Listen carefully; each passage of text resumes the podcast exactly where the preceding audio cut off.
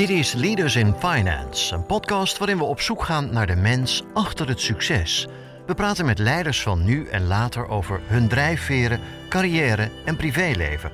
Waarom? Omdat er meer gesproken moet worden in de financiële sector. We willen de partners van deze podcast hartelijk bedanken voor hun steun. Dat zijn Interim Valley, Odgers Berndsen Executive Search en Roland Berger. De belangstelling voor de financiële wereld was er bij onze gast in deze aflevering al vroeg bij.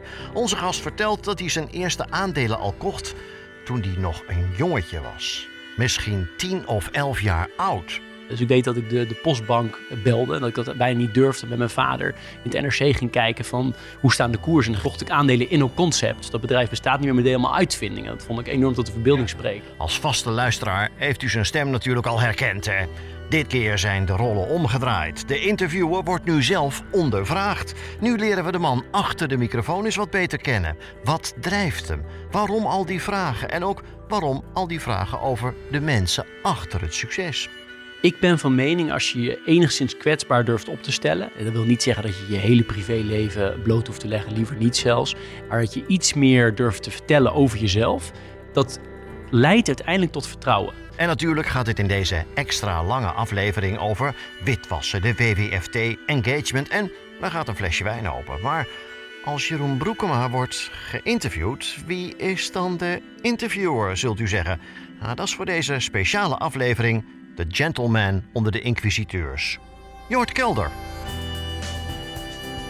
Nou, luisteraars, ahoy. Dit is uh, Jort Kelder aan tafel, aan zijn eigen keukentafel, met uh, Jeroen Broekema in een buitengewoon uh, bijzondere positie eigenlijk. Want ik ben nu wel de interviewer, voor mij is dat normaal.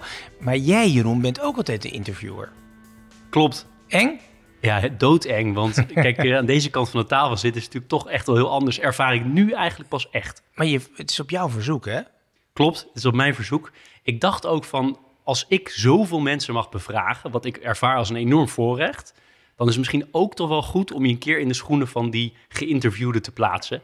Ja, stiekem is het ook wel leuk om een keer een beetje beeld te geven bij wie ik nou eigenlijk ben als interviewer. Heel goed. Het is een les in nederigheid als de interviewers zelfs een keer bevraagd worden. Uh, ja, dus je ziet het een beetje als de gang naar de guillotine. Ik weet niet of de guillotine straks gaat zoeven. Ik denk niet dat dat nodig is, maar het zou kunnen. Je weet het nooit. Uh, je hebt een paar... Uh, eigenheidjes in die, uh, in die podcast, die Leaders in Finance podcast van jou, waarbij je bijvoorbeeld de naam van de gast um, letter voor letter gaat uitspreken. Nou is mijn regel in het leven no rules, fuck the rules. Dus ik ga niet J-E-R-O-E-N-B-R-O-E-K-E-M-A doen. Dat uh, heb ik dus nu wel gedaan, maar Jeroen Broeken. Maar 40 jaar oud, vier kinderen, um, woonachtig te Driebergen. Uh, althans in de omgeving van de Zeister uh, bossen, de Heuvelruggen daar. Prachtige plek. Um, gestudeerd te Leiden, daarna LSI in Londen gaan doen. London School of Economics, bij ABN AMRO gaan werken, Funding Circle gewerkt. Uh, dat tot een, uh, geloof ik, redelijk positief einde ge gebracht. Uh, over wat de Engelsen daarna mee deden, hebben we nog over.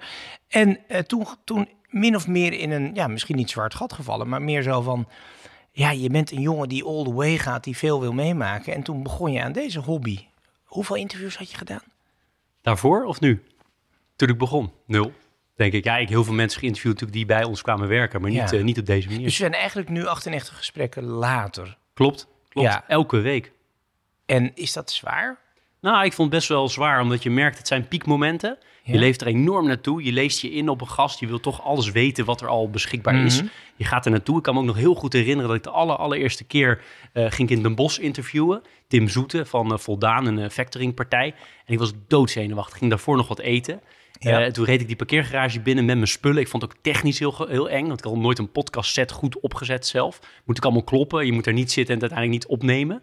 Dus al mijn grootste, mijn grootste angst is van je, je zit daar, je hebt een heel leuk gesprek. Het is niet opgenomen. Ik kijk, nu ook, kijk nu ook naar het apparaat. Neem dat hebben alle journalisten meerdere keren in hun leven meegemaakt. Ik ben regelmatig met het ouderwetse Philips cassettebandje thuisgekomen. Luisterde af en hoorde alleen maar...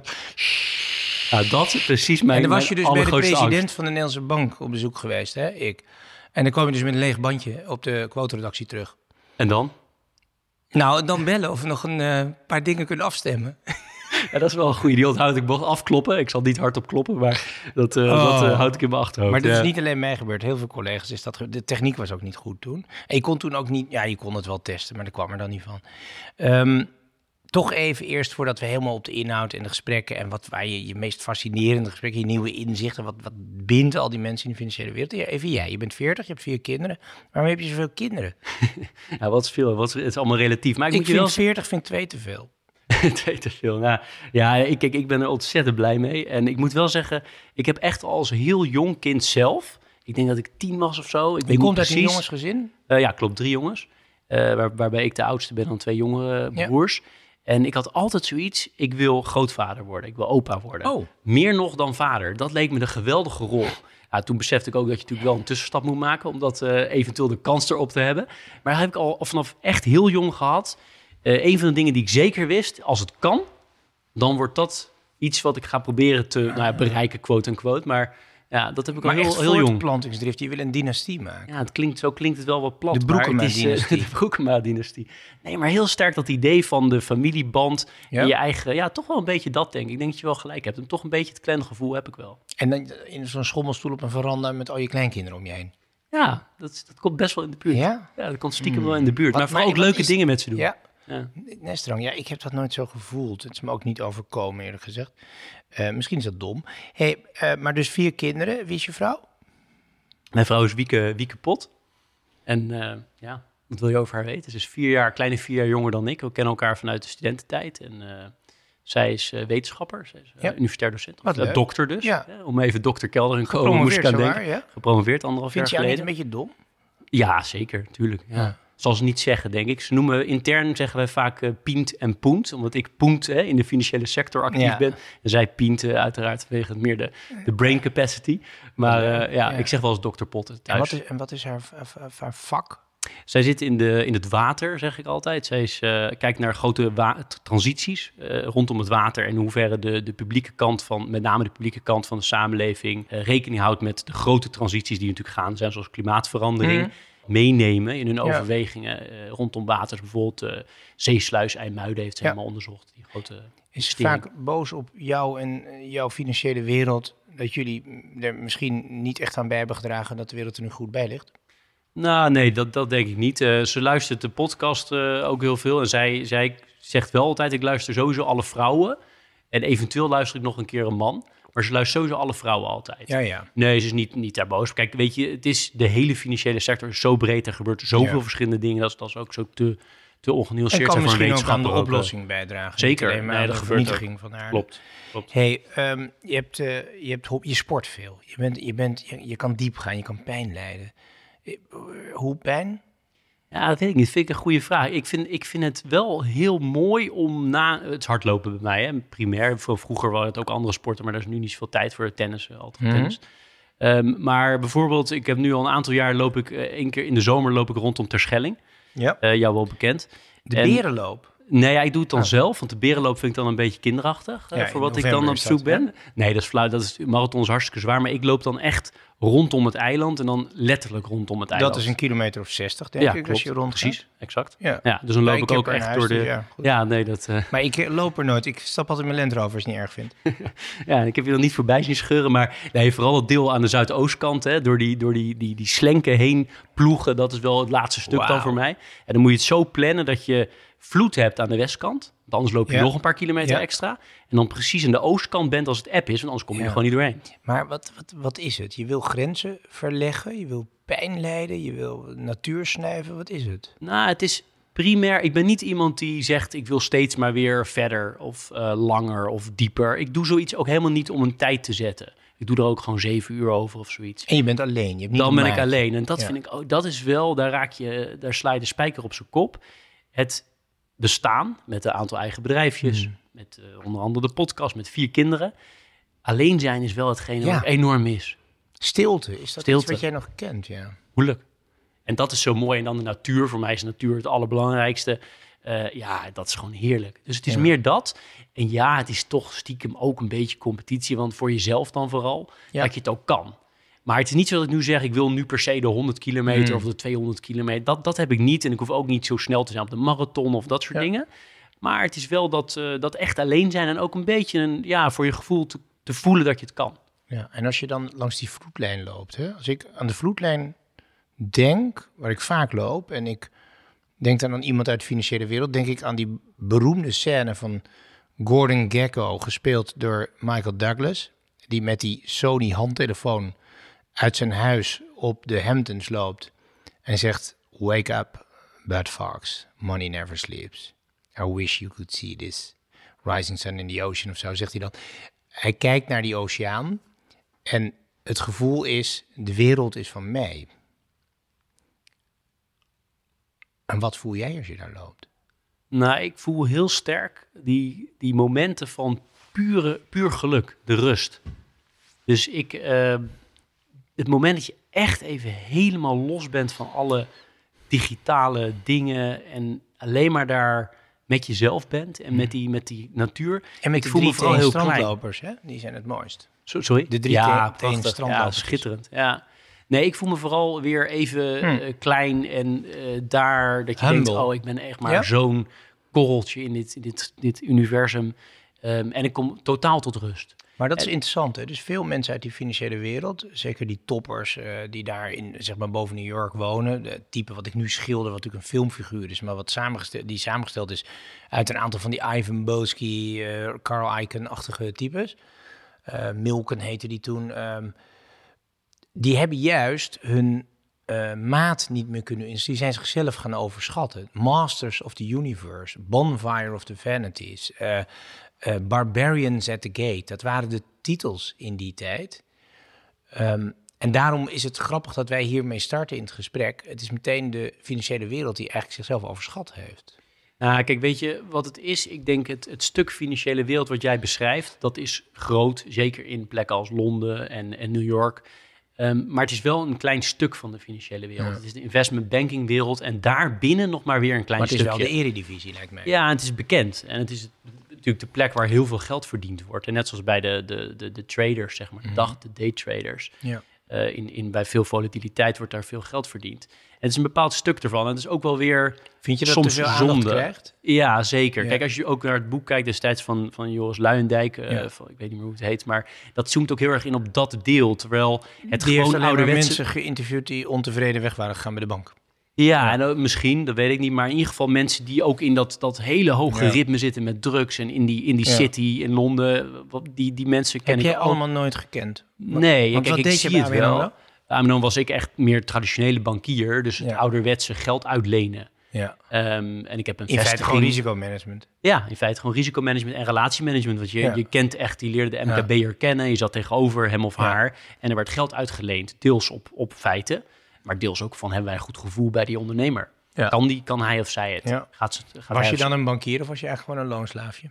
Nou ja, kijk, hoe je het dat voor, klinkt dat hoe je het verwoorden. Maar ik nee, vond maar bankier denk ik dat is iemand die voor eigen rekening en risico. Ja, nou ja, kijk, als dat het is. Kijk, ik ben blij dat dat het niet is, want het spaargeld van, van jou en van mij wat bij die bank staat. Dus ik ben blij dat dat het niet is. Ik vond, wel, ik vond dat, ja, ik vind het nog steeds een prachtig vak.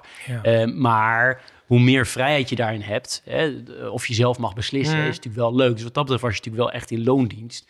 was natuurlijk de risicoafdeling die uiteindelijk bepaalde of jij wel of niet het geld mocht uitleggen. Oké, gaan we het straks allemaal over hebben. En over de, eh, de gecko-achtige types. En ook gezien, kijk, je hebt 98 gesprekken nu gevoerd met mensen die allemaal inhoudelijk in de business zitten, die allemaal niet in de buurt van Gecko komen. Dat is misschien wel goed ook.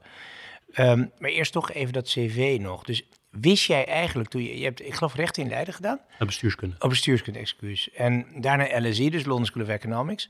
Wist jij toen al uh, wat je wilde worden? Was duidelijk? Nee. Je wilde wel helemaal die financiële richting uit dus. Nou ja, het grappige is dat ik natuurlijk helemaal niet dat gestudeerd heb. Hè. Bestuurskunde gestudeerd in Leiden en later uh, internationale betrekkingen of global politics hm? in, in, in Londen. Dan nog een jaar in Texas gezeten. Dat waren eigenlijk hele publieke studies. Ja.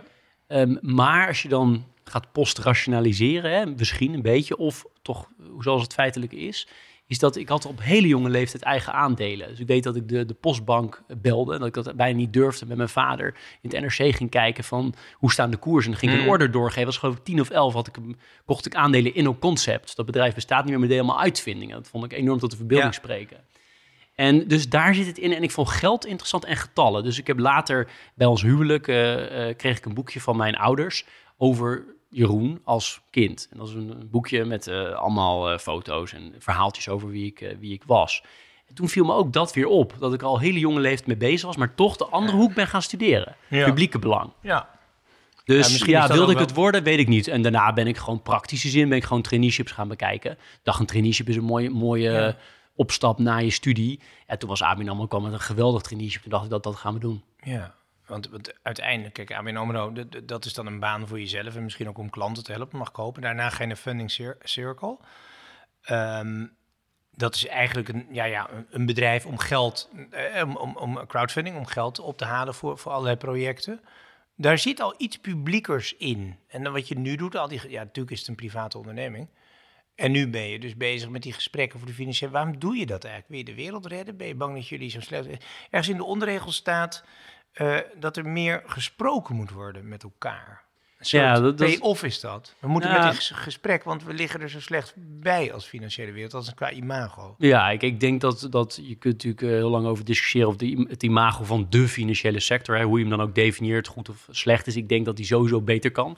Dat is eh, echt Kan een beetje beter. understatement waarschijnlijk. Het mag een stuk beter. Het hangt wel af waar je zit in die financiële sector. Maar goed, even die dis- Nee, maar disclaimers nou, die... Jeroen, laten we ja. gewoon even generaliseren. In, bij het grote publiek, maar ook bij de Tweede Kamer, wordt financiële sector heel plat gezegd geassocieerd met bonussen, met lui die ons financiële systeem eh, in gevaar hebben gebracht, wat de belastingbetaler dan volgens kan oplossen. Dat is een enorme simplificatie, doet ontzettend veel mensen onrecht, maar dat is beeld dat bestaat. Nee, daar, daar kan ik zeker niks, niks tegen inbrengen. 100% met je eens. En eh, terug naar die, naar die initiële vraag. Kijk, ik ben van mening als je je enigszins kwetsbaar durft op te stellen. en Dat wil niet zeggen dat je je hele privéleven bloot hoeft te leggen, liever niet zelfs. Maar dat je iets meer durft te vertellen over jezelf. Dat leidt uiteindelijk tot vertrouwen. En als de top, de top van de financiële sector dat niet wil of durft, iets meer vertellen over zichzelf. Ik denk dat dat niet gaat bijdragen aan vertrouwenherstel in die sector. En Dus eh, kwetsbaarder zijn. ja, iets kwetsbaarder. En ook Ja, durf dat te zijn vrouwelijke zeggen. waarden waar mannen Ja. in die wereld traditioneel niet echt Ja. opgevoed waren. Nee, daar helemaal met je eens. Het zijn vaak feminine, inderdaad, feminine kanten van mensen. En je ziet nog steeds dat er, zonder namen te noemen, maar dat er een aantal mensen zijn die niet wil deelnemen aan deze podcast. Behalve als ik zeg, je hoeft niet over jezelf te praten. Ja, en dat, dat doe ik dus niet. In het begin vond ik dat heel eng om te zeggen. Nu ben ik heel rigide in, want nu zijn er wat meer mensen die mee willen doen. Maar dat is wel waar die podcast over gaat. Ja. Natuurlijk, naast het zakelijke, ook iets over jezelf te durven Ja. te zeggen. Wat is jouw grootste angst Eh, als mens of voor de podcast? als mens? Grootste angst. Mijn grootste angst is nu trouwens dat het geluid kapot gaat, omdat er zo ontzettend harde Ja, hagel dat is wel serieus dit. eh. nou, klimaatverandering is een van mijn grootste, ang- grote angsten. Maar Ja? nee, mijn grootste angst als persoon is denk ik toch wel iets dat er iets met, met je geliefde gebeurt. Oh ja. ik zeggen. Ja. Ja. denk ik wel, ja. En in je werk heb je wel eens gedacht, ik heb er een rotzooitje van gemaakt, maar ze hebben het lekker niet door. Oh, dat laatste niet. Ze hebben het lekker niet door dat ik een rotsoortje heb gemaakt. Heb ik heel vaak gedacht. Was het ook zo? nou, soms wel. Kijk, de grootste eh, blunder die je begaan hebt? Nou, een van de grootste blunders die, die me hè, zo on the spot te binnen schiet, is dat ik op een bepaald moment, toen werkte ik in Ede, Wageningen, Veenendaal voor ABN AMRO. En, Op eh, zich al re- erg lijkt mij, maar goed. Nou, dat heel mooi juist. Veel ondernemers. ik echt, onder, echt goede Ja, hardwerkend op de, Ja, de, de En veel, eh, Ja. veel families die elkaar helpen om, eh, om bedrijven te starten. Niet alleen maar geld van de bank, maar ook geld van... Knip dit eruit onaardig van me. Dat is ik- even een pesterijtje, goedkoop pesterijtje voor mij tegen Edewagen. Eh, Christelijke hardwerkende ondernemers, schat. ja, Wageningen is sowieso weer een ander verhaal dan Veenendaal en Ede. Maar eh, ja. Nee, maar goed, eh, daar zat ik. En ik weet nog heel goed dat ik ehm, ontzettend eager was natuurlijk om financieringen ook uit te leggen. De bank die moet ook gewoon goede financieringen uitleggen. En ik had een, een, eh, zelf een, een entree gemaakt bij een, eh, bij een drogist. eh, een groepje van drogisterijen. Nou, daar kon een serieus bedrag in gestopt worden als er werkkapitaal zat bij een andere bank. En ik had het hele plan geschreven en ik dacht, nou, dat gaan we, ik geloof dat het om een paar honderdduizend euro ging. Dat gaan we dan, eh, gaan we dan uitleggen. En ik zat er nog niet zo lang en ik had telefonisch al akkoord van de, van de hè, degene die zo'n plan moeten goedkeuren. Dus ik dacht, nou mooi, dat kan we doorgeven aan de ondernemer. Hup, ik DGA gebeld. En eh, nou, eh, meneer X, eh, je, je kan die paar honderdduizend euro tegemoet zien. Hij was dolblij. Ik hoorde op de achtergrond al dat, dat de vrouw al geïnformeerd werd. En nou, ik ook blij. Ik dacht, hiermee ga ik toch wel duidelijk maken dat, hier, dat, je, dat Jeroen serieus kan financieren. En, maar het bleek dus, je moest wel echt in het systeem op papier akkoord hebben. En dat werd gewoon afgekeurd. Ja, bel dan maar eens een DGA op dat die lening niet doorgaat. Dus, eh, En op welke gronden werd die afgekeurd? Nou, het was, was eh, ik, ja, dat is een goede vraag. Ik weet Gewoon niet een technisch precies. dingetje. Nou ja, dat, dat, dat is een goede vraag. Weet ik niet, het is al lang geleden. Je was diep Ja, dat weet je achteraf nooit. Nou ja, Als het geld bestaat- terugkomt, heb je gelijk. het bedrijf nog of niet? Ja, denk ik wel, denk ik Ja. wel, ja. Ja. Ja, ik Oei, denk- oei, oei, oei. ja, dat was wel heel pijnlijk. En wat zei toen, die tegen jou toen je belde? Nou, die was ontzettend boos. En die dreigde natuurlijk direct met juridische stappen, wat ik ook begrijp. Dus uiteindelijk hebben we dat wel kunnen, kunnen bijleggen. En hem de uiteindelijk helft we- gegeven tegenover Nee. nee, we hebben wel een oplossing gevonden. Maar dat is wel een goede les. Kijk, het is eh, other people's money. Hè? Het is niet je eigen geld. En Ja. als je bij zo'n bank begint, dan zijn de bedragen gigantisch natuurlijk. Het staat natuurlijk niet in verhouding ten opzichte van het inkomen dat je er zelf geniet. Dat is ook Totaal merkwaardig. niet. Ja. Nee, dat Ja. zeker bij private banking, waar daar zat ik niet. Maar daar had je dat helemaal natuurlijk. Mensen die met miljoenen en miljoenen bezig waren, maar zelf misschien eh, 60.000 euro per jaar verdienen. Ja, merkwaardig, ja. Hey, Dat, dat eh, blijft ehm, me wel bij, ja. ABN AMRO, waarom ben je bij de bank weggegaan? Nou, ik had het best eh, eigenlijk heel goed naar mijn zin. Eh, maar ik werd benaderd voor een fintech. En ik denk dat ik achteraf gezien toch ook wel heel erg daarvoor open stond. Je zat er een jaar of tien al toen. Nee, zeven. Zeven jaar, ja. Dus, eh, ja. Ja. Maar Toen- toch even dat ABN AMRO. Ja. Welk jaar ben je daar weggegaan? Eh, 2014. Ja. Ja. Ja. Toen waren ze al ruimschoots eh, staatsbank. Ja. ik ben begonnen op de dag dat Rijkman Groening afscheid nam. Oh, goede timing. Ja. En hoe was die dag? Nou ja, ik wist, hoorde dat pas later natuurlijk. Voor mij was Rijkman Groening natuurlijk heel ver van mijn bachelor. Ja. Maar eh, toen ben ik bij ABN begonnen. Ja. Even- Want je kwam dus onder een heel eh, fout gesternte binnen eigenlijk. Ah, dat weet ik In niet. maar- 2008 is dat dus geweest. Ja, nee, het was helemaal in de, in de, in de overname Ja. ja. perikelen. Nee, want het merkwaardig is natuurlijk, kijk, ABN AMRO komt voor uit ABN en AMRO. En die ABN is natuurlijk ooit Twentse Bank eh, en Amsterdamse Bank, denk ik. Hè? En die, dat komt aan hem. Nou goed, uiteindelijk is dat Nederlandse Handelmaatschappij is eigenlijk een bank die aan de basis van ons koloniale systeem stond. En door Willem I en anderen werd opgericht. En een enorme, ehm, ja, samen ook wel een beetje later met ING en een heel klein beetje Rabo, maar vooral in, dan in, in landbouwfinanciering. Het Nederlandse, eh, de- Nederland had in de jaren negentig drie grootbanken die, laten we zeggen, net niet helemaal in de top, maar net daaronder meespeelden. Tussen de top 10 en top 30 of zo. Hè? Ehm, en daar is eigenlijk niets van over. Misschien de Rabo op deelgebied. ING, nou ja, goed opgesplitst, serieuze banken, maar niet een HSBC of een Barclays, whatever. Die komen niet in de beurt.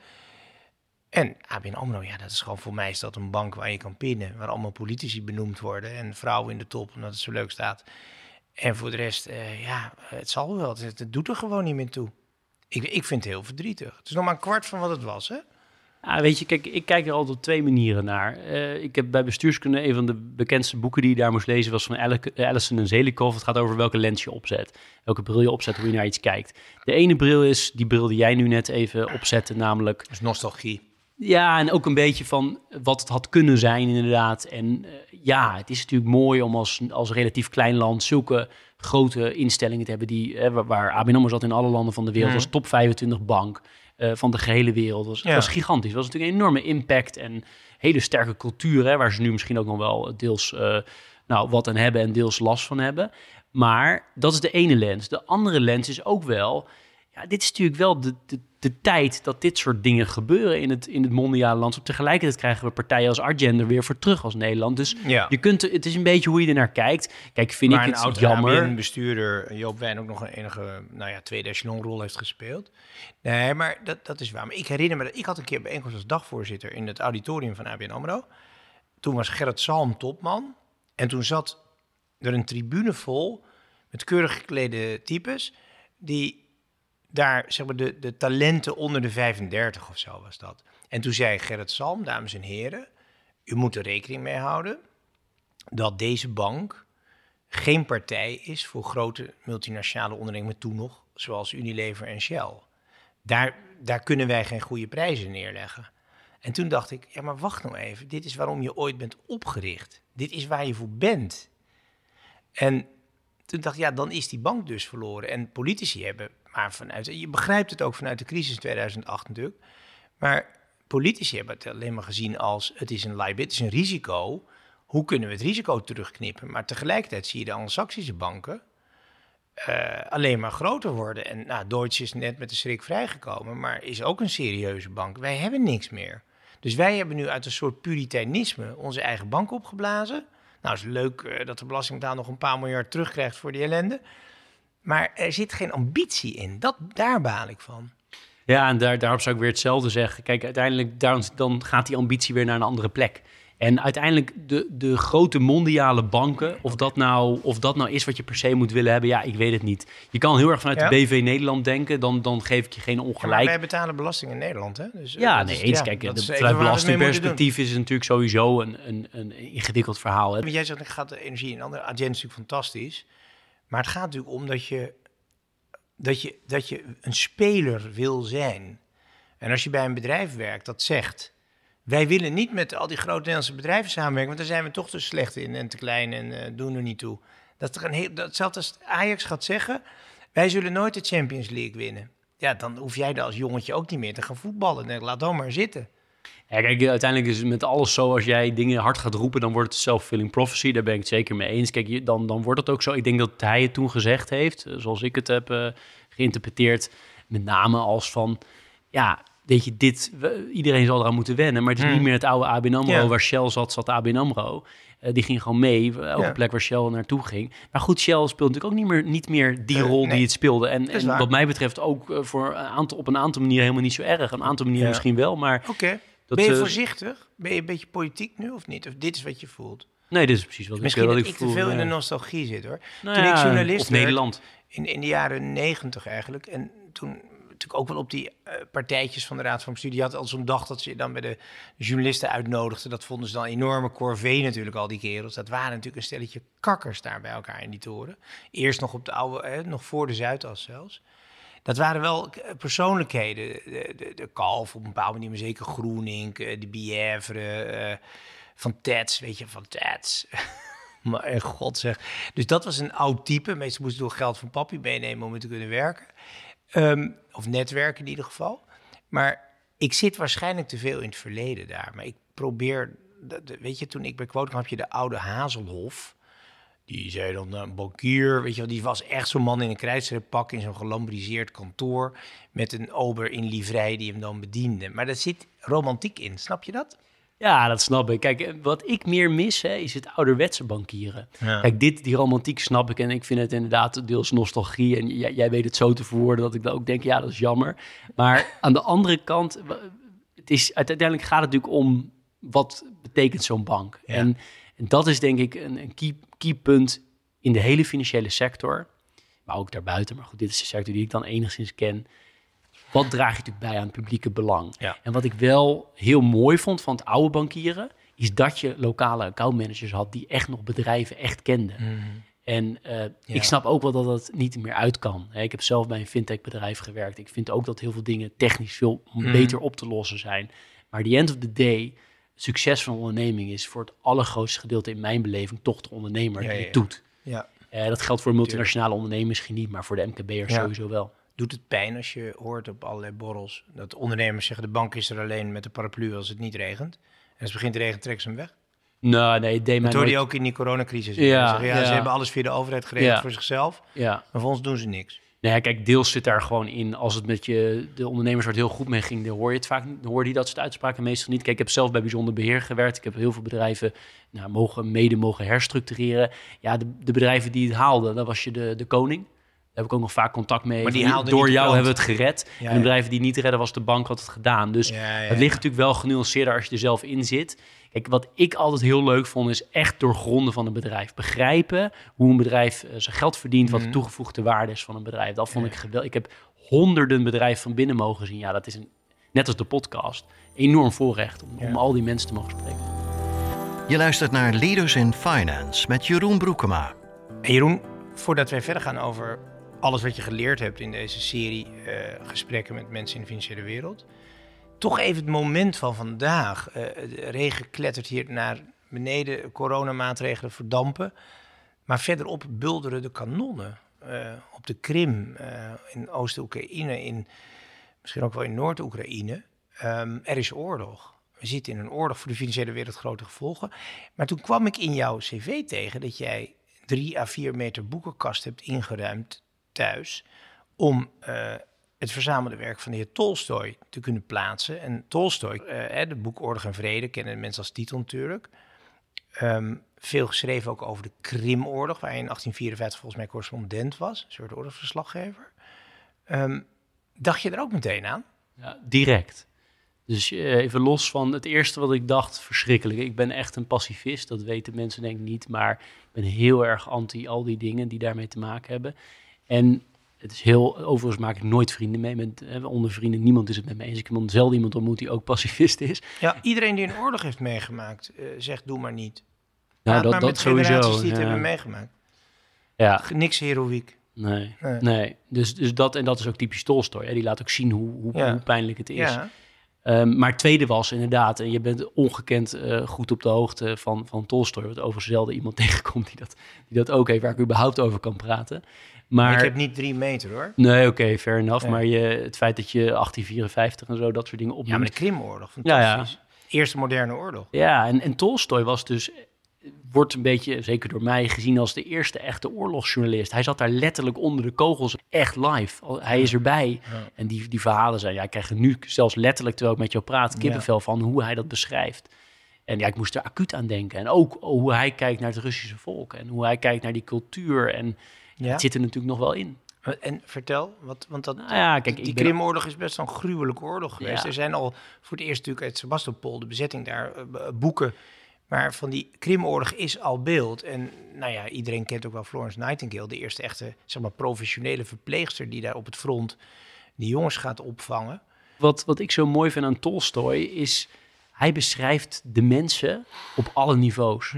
Van degene die de, die, het, die de kanonnen moet, naar voren Ja. moet rijden tot aan de tsaar. Terwijl en die zelf een jongen uit de elite was. Hè? Laten we dat totaal, niet vergeten. totaal. Zijn moeder zelfs geloof ik een prinses. Hij is, is, eh, heel, heel zwaar van Ja. adel. Ja. En komt uit dat milieu, hè, Jasjana Poljana, zijn eigen Ja. estate daar ten zuiden Ja. van, eh, van Moskou. Ben je ook geweest? Nee, nee, nee. Nee. Nee, ik wil heel graag. En mijn broertje, die, eh, die is echt, die heeft tijd in Rusland gewoond, die spreekt ook Russisch. zal ik wil heel graag even met niet hem mee. gebeuren voorlopig, denk ik. Ik denk dat we het nog even niet doen, maar ik wilde heel graag heen. Natuurlijk, ik heb het gevoel dat ik al honderd keer geweest ben. Ja. Maar hij is natuurlijk zeer, ehm, uit een zeer goede familie. Het trouwt dan ook weer met, met, Mhm. met, eh, met, met Sophia. En weer ook uit een goede familie. Maar tegelijkertijd werkt hij gewoon op het land. En wil hij een van de peasants zijn in dat, in dat feodale systeem.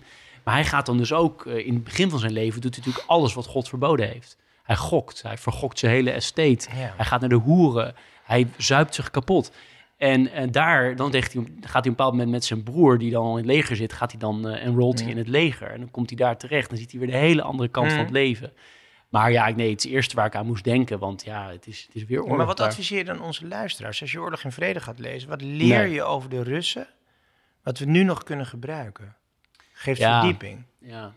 ja, kijk, ik, ik pretendeer totaal niet te weten hoe het huidige Rusland is. En zelfs toen niet. Ik ken het alleen maar uit vanuit de ogen van, van Tolstoy. Maar het is wel het... ehm, eh, de, de trots voor de natie is, eh, is wel groot.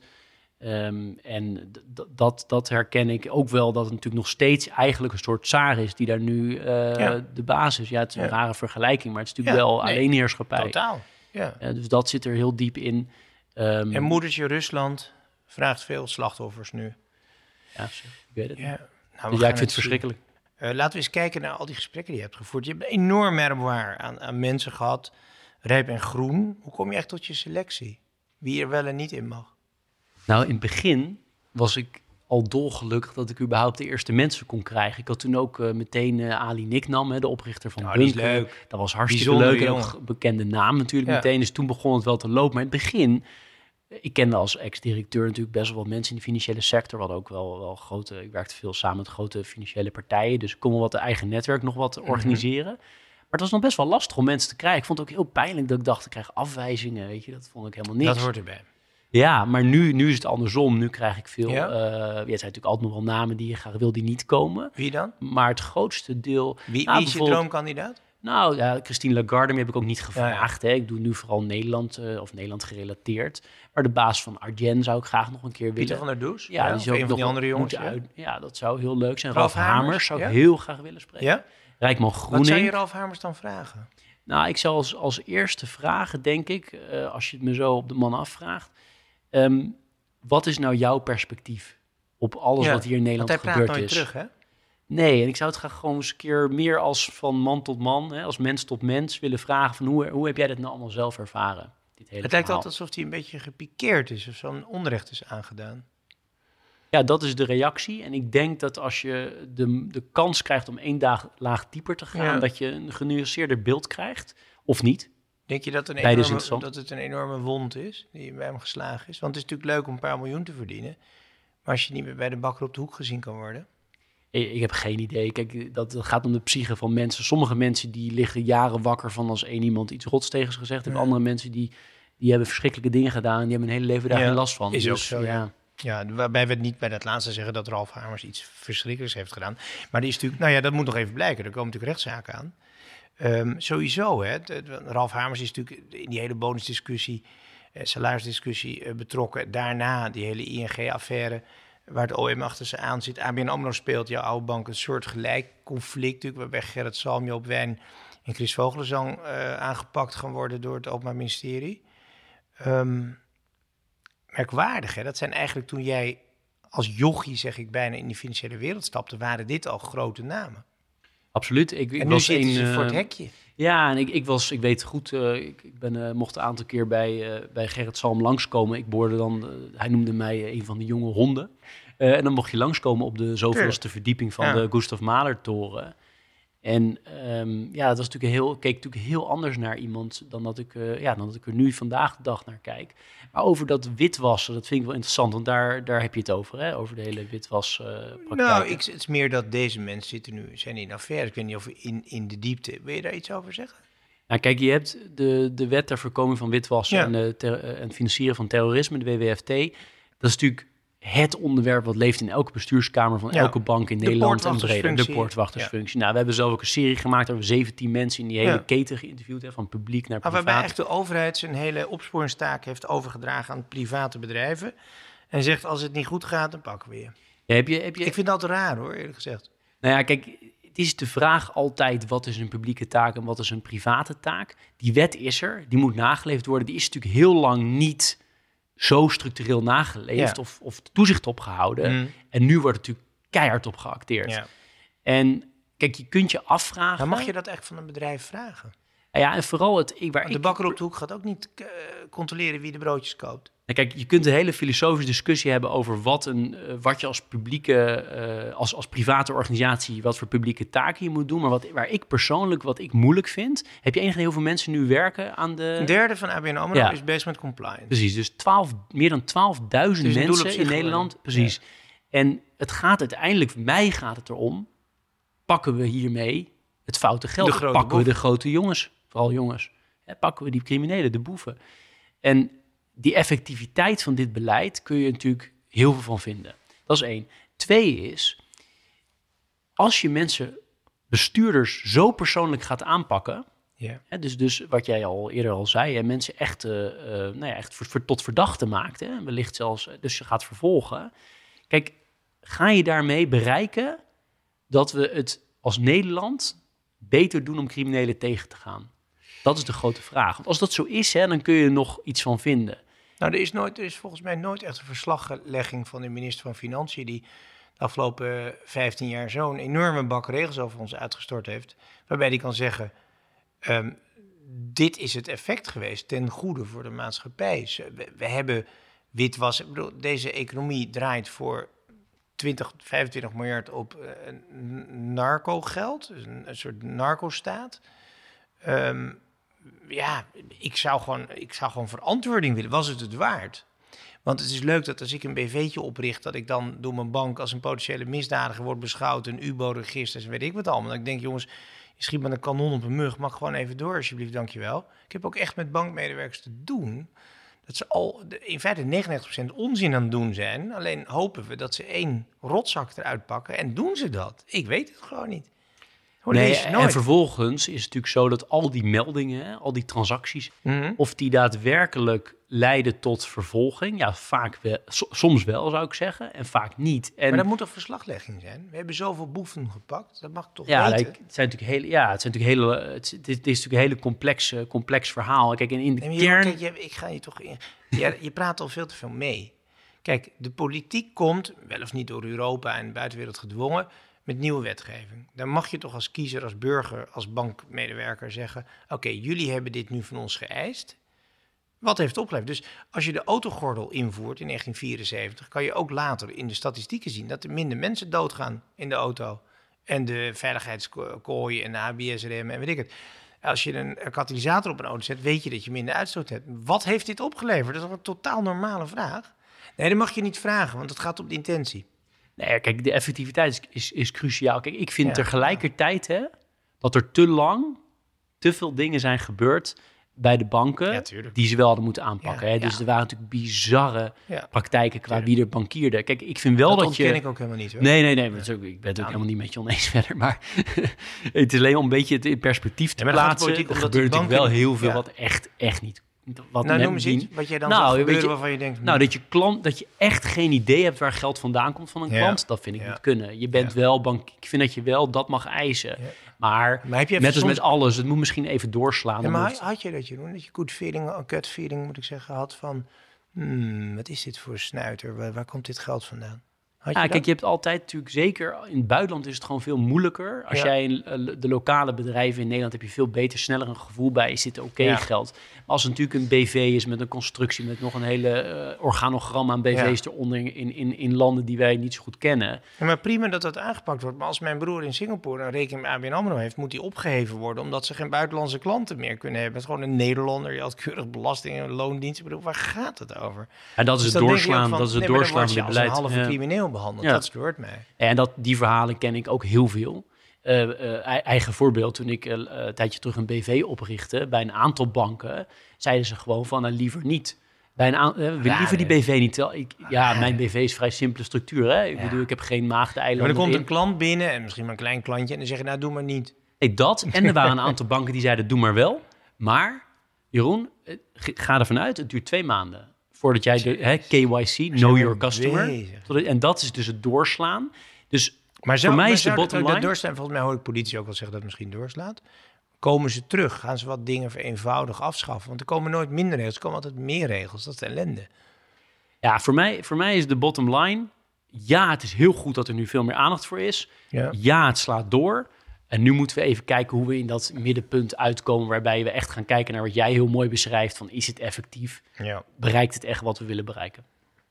Hey, ik, ik, las een, een, een, stuk in het Financieel Dagblad, portret van jou. Kop was dus Tolstoy-fan vertrekt bij crowdfunder om een tijdje niets te doen. Nou, dat niets doen is dus niet helemaal gelukt. Uh, moet ik nog over de crowdfunding hebben? Heel kort. Ik ben, jij, jij, hebt dat uh, opgezet hier in Nederland, Brits bedrijf geworden, meteen gestopt met de activiteiten. Rokende pijn op nadat je weg was. Waarom? Nee, ik heb er vijf, toch kort goed vijf jaar, vijf jaar gewerkt. En uh, ja, we hebben dat hele bedrijf opgebouwd. Alles weg. En na een half jaar toen ik weg was, is het bedrijf, hebben ze zich teruggetrokken. Het bedrijf is naar de beurs gegaan in Engeland. Ja. En dan zijn ze teruggetrokken uit Nederland en Duitsland tegelijk. Ja, ja dan, ik kreeg de dag van tevoren, ik was een half jaar weg, ik vond het heel net dat ze mij belden, terwijl ik natuurlijk feitelijk geen betrekking meer had daar. Uh, maar kreeg ik te horen dat ze ermee gingen stoppen. Dat, dat was wel pijnlijk. gedaan dus al. Ja, dat was wel een pijnlijk moment, ja. Even uh, vond ik echt wel heel erg jammer. En vooral ook, ja, je weet natuurlijk niet precies wat de reden is. Hmm. Dat had denk ik niet zoveel te maken met Nederland en Duitsland, maar meer met de, de, gehele, de gehele organisatie. En natuurlijk beursgenoteerd, echt Anglo-Saxische bedrijf. Ja, ja, ja. ja. Ze hebben het gewoon even uitgeschreven. Dus, uh... wil, je wil, je dat ik er nog een zuigende vraag over stel? Of gaan we voor mij, je mag alles vragen van tevoren gezegd, hè? Ja, nee, maar dat doe ik sowieso wel. Maar um, weet je wat we eerst gaan doen? We gaan even een glaasje wijn nemen. Rood of wit?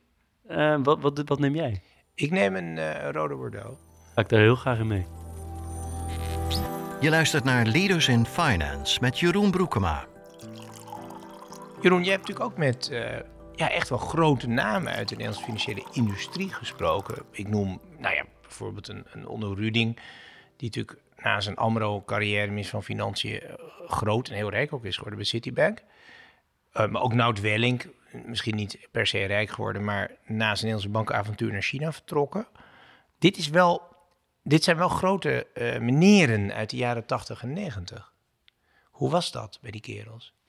Nou wat mij opvalt is dat er ehm, toch wel echt een generatie, uh, generatiecultuurverschil is. En dit is altijd generaliserend. Hè? Dus uh, er zijn uh, heel veel uitzonderingen.